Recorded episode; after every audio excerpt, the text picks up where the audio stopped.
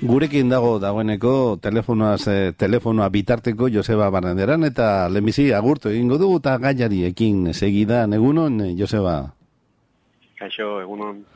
Bueno, ba, gaur TTIP merkataritza itun delako horretaz e, mintzatu beharra dugu, ala, adostu dugu, eta lehenbiziko galdera ez dinbestekoa da, Joseba, e, denok ikasi dugu akronimo hori, TTIP, baina ez dakit beste horren bestean egin dugun, haren esan nahiaz, haren sakontasunaz, eta haren ondorio ez. E, ez guztu, zer den TTIP hori, eta zer ekarriko duen hemendik eta urte batzuetara? Bueno, ikusi beharko da azkenean e, izten den edo ez ez, baina hori da akordio saiak da, Ameriketako estatu batuak eta Europar batasuna barne hartuko litzukena, ituzkena, eta, bueno, bere helburua da, igune horien arteko ba, merkatal trabak edo, e, ba, kentzea, ez? Nola ere, ba, merkataritza e, aske izan darin, bi gune ekonomiko handi horien artean, batez ere mugasariak ez diren e, trabak gutxituz edo ezabatuz, eta, bueno, orain e, negoziazio betean dagoen gaia da, eta besteak beste zer esan handia ematen ari da negoziatzen ari den moduagatik ezan nahiko modu e, iluna edo ezkutukoa delako eta bueno, horrek besteak beste ba e, jende askoren espirantza eragin noski. E, baina kontutan izanik e, gero bueno, hau, honesteko Europar Parlamentutik eta kaso beste zenbait Europako Parlamentutik ere pasa beharko dela ba, ez nago nizi horre honek aurrera egingo duen, ez da, azken pinean, e, e, ba, frantziak esate baterako, ba, bere zalantzak garri eta garbi adira ziritu, eta, bueno, Ameriketan ere, ba, orain presidente aldaketa datorren honetan, segunetan horke irabazten duen, ba, ez daukan garbi horreke aurrera egingo duenik. Hori galdetu behar genizun nahi zuzen ere, dena preste omen zaukaten Europako batasunak eta Amerikako estatu batuek, eh, baina azken ordu batean alako ze desadostasun batzuk ere agertu dira tartean, ezta? Bai, hori ere iturriaren arabera aldatzen da, hau da, negoziak eta e, sekretua den inean, ba, nekeza da jakiten zenbateraino dauden e, akordioak edo negoziazio horiek e, aurreratuta, ez da.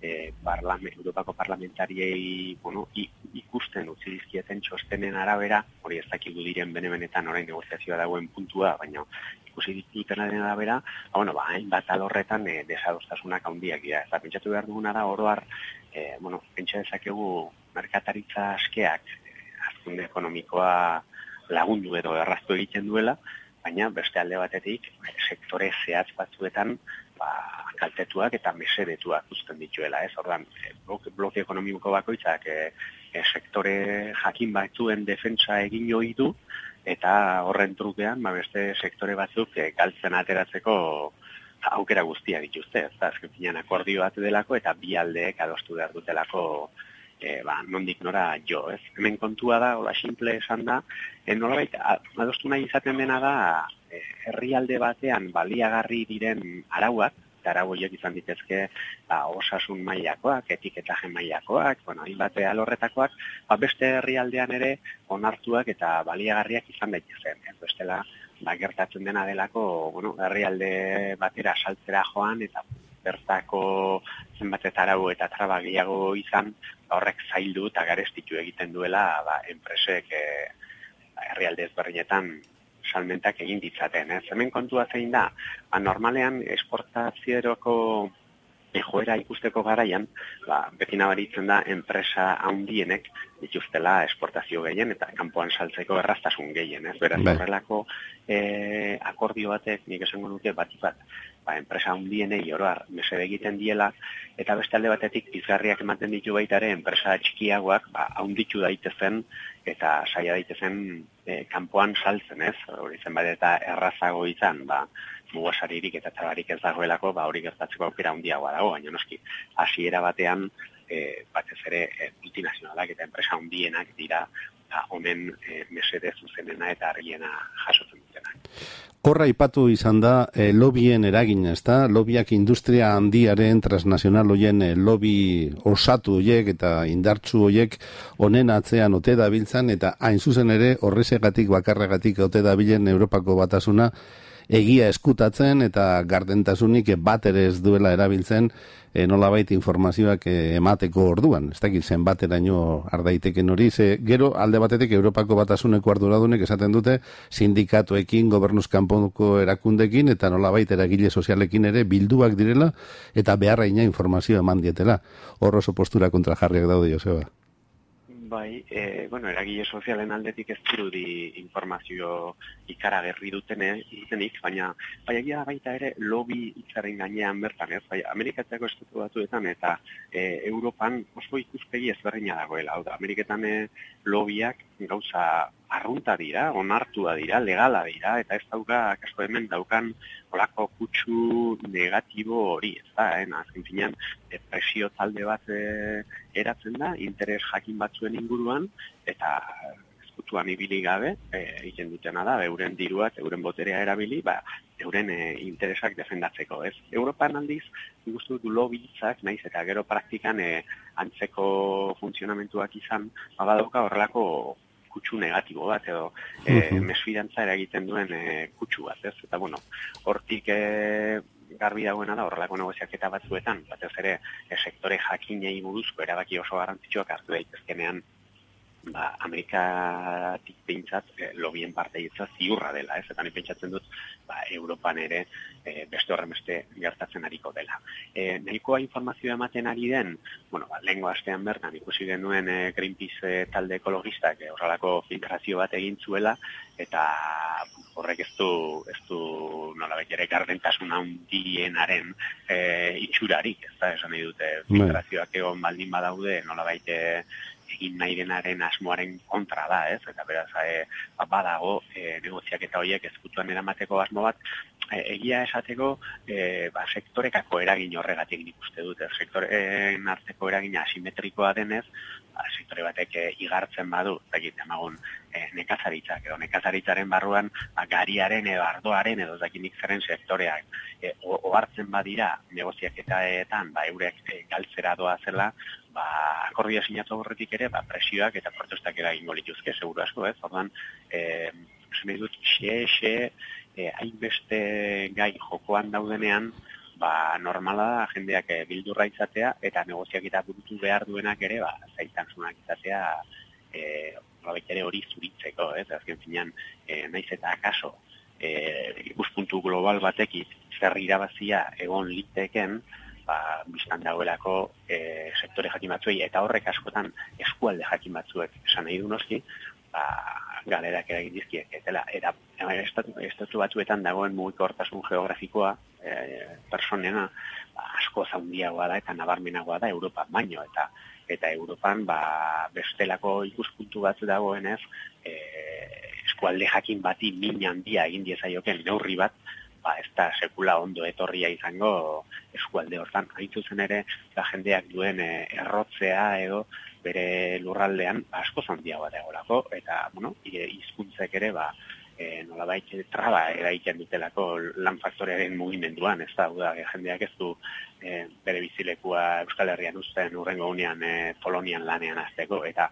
distantzia horren barruan, e, Amerikatako estatuetan hori gertatu liteke. Distantzia berberaren barruan. Dena den eta sistema demokratiko baten barruan, nolabait eh, alako negoziazioak eta beti ere gardentasun osoz eta takirigrafoak aurrean direla egin beharko lirateke, ez da, bintzat, eh, nolabait demokraziaren izenean eta gardentasun horren izenean. Hala ere, ez dirudi oso songi egiten ari direnik, ze susmoak sortzea beraia, e, ez da ona, ez da? Eta nola bai, apur bat erren edo sortuko te den e, merkataritza itu nau, sortzekotan, ba, bidean sortu diren e, mesfidantzak direla ta. Bai, bat nator, e, iruditzen zait, e, bueno, oso modu demokratikoan gauzak egiteak, ba, kaso, e, denboran luzatzea ekar dezake, eta gisa akordio bat e, oso azkarra osten ezpaldin bada iruditzen zait, e, bueno, trabatua gelditzeko arriskua bintzat badaukala, ez? Atzo bertan entzun nuen e, Alemanian esate baterako hiru lagunetik bat e, akordionen kontra dagoela, eta bueno, Holandek ere oso garbi adierazi du gaur dagoenen dagoen dagoenean ba eluketela sinatuko ez beraz iruditzen zaite akaso denboran luzatzen hasi dela prozesu hau eta horrek berak eragin dezakela usteltzea. Hain zuzen ere, ba, e, modu ez demokratikoan negoziatua izan arren, ba, oso azkar e, akordio bat e, erdi etxi, eta bueno, e, bozkatzea eramaten baldin bada, ba, jendeak e, informazioa jaso dezan, eta denbora gutxiago ematen denez, ba, egingarriagoa da, ez? Baina behin hortan trabatzen hasten baldin bagera, iruditzen zaite Europak, ba, bere erabakiak hartzeko duen ezaugarri bitxi eta e, motel horrekin batipat, ba, nekez e, sinatu izango dela horrelako zerbait, eta gero, e, daude gutegi elektoralak ere, ez da, tokian tokiko hauteskundeak ez datoz datetan bat, bai, eta, bai. ez esate baterako orain Espainiako hauteskundeak errepikatzera doatzen honetan, ba, segun eta ze gobernu mota eratzen den oso zaila izango da, gero e, horrek horrelako akordio bat honestea, ba, bat etorri daitekelako gainera, akaso beste herrialde batzutan, ba, guztiz bestelako joeratuten gobernuekin, ez, beraz, e, Europaren berezko zailtasun horietan iruditzen zait e, ez dela hain izango akordia aurrera ateratzea. Edo zein modutan ere, Joseba, hemen nola baiten mendebaldeko ekonomiaren e, bi azpi sistema, e, estatu batuetako eta Europako batasunaena, zuzen ere, batzekotan dabiltzan nuntan, e, oituren aldetik, e, izaeran aldetik, oitururen aldetik, zu zeuk aipatu duzun bezala, badago desberdintasunik, adibidez jendearen mugikortasuna, baina horrek sekulako isla handia du, arautegietan ere. Esaten dutenez, Europakoa, zorrotzagoa, serioagoa, baita, estatu batuetakoa, baino, batzutan eh, zenbaitetan malgu xamar jokatzen ote duten pestizidekin hori aipatu izan da, ezta? E, bai, ala da, ez da, gertatzen dena da, e, eta goin pixkate kontra egitea ez? Bai. E, esan dut, Amerikaetako estatu batuetan e, jendea, bueno, ba, bizi da, esan nahi dute, hango araudiekin eta hango baldintzekin, ba, momentuz behintzat nik ez dut ikusten eh, erraz frogatu daitekenik han bizitzea ez denik osasungarria, ez da, nola baita esateko. Eta alde horretatik, eka, merkataritzan da bilenak, e, e, nola ere onartu behar du, Europaren barruan ere egon izan dira horrelako resistentziak, ez? Eta bai. esatea, e, bueno, nik arautegi bat daukat modu batera egina, e, gutxi gora bera, zeure herrialderako ere baliagarri izan behar luke, ez? Egia da gero kasu zehatzetara gatozenean eta e, hortarako ba aditua izan behar da sektoria hortan, ez? Baina demagun ba ezagik. Aragia ai, azteko garaian aztegia handiak eta industriala sustatzen diren horretan, ba kaso bertaliteke, ba ezagik antibiotikoen erabilera edo transgenikoena edo nik zer, ba egia da, bueno, ba gizarte batek bere buruari arau batzuk ematen dizkiola eta gizarte horren arauak ez dutela zertan egon hartuak izan beste beste gizartean, ez? Ez, ez, ez nuke esango horren beste arau zuzenak edo okerrak edo onak edo txarrak direnik, bai, baizik eta bakar bakarrik ikuspuntu demokratiko hortatik, bakaso baloreak beste batzuk direlako eta eta jarrerak beste batzuk, ez? Alde hortatik, e, Ameriketako bestatu batuak oroar izaten dira eta lan harremanetan ere alaxe ikusten da, ez? Ba, malguagoak, nola baite esateko, eta Europarrak bai dituzte euren e, bueno, erro horiek sakonagoak edo beste balore batzuk e, lehen esten dituzte, ez? Eta bueno, borroka edo nola baita hortxe dago, hor kontua da, uh jakina dela, ba, behin e, merkataritza askea azten denean, e, sektore batzuen galerak eta batzuen irabaziak ematen diren einean, ba, oroar badakigu azkunde ekonomikoa handitu egiten dela, baina, bueno, ba, kaso, e, badaude e, movimentuak eta kaso Europan e, indartsuagoak, ba, azkunde ekonomiko horren sakralizazioa ere, ba, zalantzan jartzen dutenak, ez? Eta esaten dutenak, ba, gu ez gaude prest edo zer egiteko e, azkunde ekonomiko handiago bat truke, eta hori e, jarrera zilegi bat da, noski, ez? E, alde horretatik iruditzen zait, bueno, bat, e, ikuspuntu demokratiko batetik dagoela horre zalantzarik handiena, baina, bueno, beste gai batzuetan egon den bezala, ez? Greziako krisiaren kudeaketan bertan ere, ba, ikusi izan da, gauza bat dela, e, ikuspuntu demokratiko batetik gizarte batek zer egiten duen, eta beste bat da, ba, bueno, gizarte korapilutxu komplexu batean, e, ba, botere harremanek zer nun zenolako jokabidea duten, ez? Eta, kaso, Europan errezolo gehien pizten duen kontua da, bueno, ba, estatuak e, multinazionalen aurrean ba, boterea galtzeko beldur bat, ez, esan nahi dut, e, jarriko bagina pentsatzen euskal ekonomian, ba, seguru daudela hainbat e, sektore, ba, irabaziak izango lituz, eta mesere izango luketenak, ba, horrelako araudi berdinketa batekin eta bar. Baina aldiz, beste batzuk, e, galera izango lukete, e, nabarmen xamar, ez, beraz, kostioa ez da horren beste ikuste e, arlo ekonomikoan kokatzen, baizik eta jarrera politikoaren e, ezberdintasunari dagokio eta eta kontu hortan ba tentu ondi zibili behar da, esan dut, hemen e, demokrazia ordezkatzaileak ba ikusten du, ez, ordeo askotan e, zer nolako emaitzak ematen dituen ba, hainbat gaitan, ez? Bestelako oso bestelako gaia gai bat aipatzeagatik, ba errefuxiatuen e, kasuan edo edo edo lehen aipatu dudan e, Greziako kasuan, ez? Nik uste dut TTIP horren kasuan ere, ba, beste horren beste gertatzen dela eta e, zenbait jendek duen errezeloa ez dela horren beste ekonomikoa ia, baizik eta e, politikoa. Minutu erdia daukagu Joseba, baina e, ezin e, gelditu hori galdetu gabe. E, bide nabarre esan duzu Euskal Ekonomiaren sektore batzuei e, a mesede eta bestei kalte. E, adibide modurik, adibiderik ipin zenezake, agian zein sektoreri egingo lioken mesede?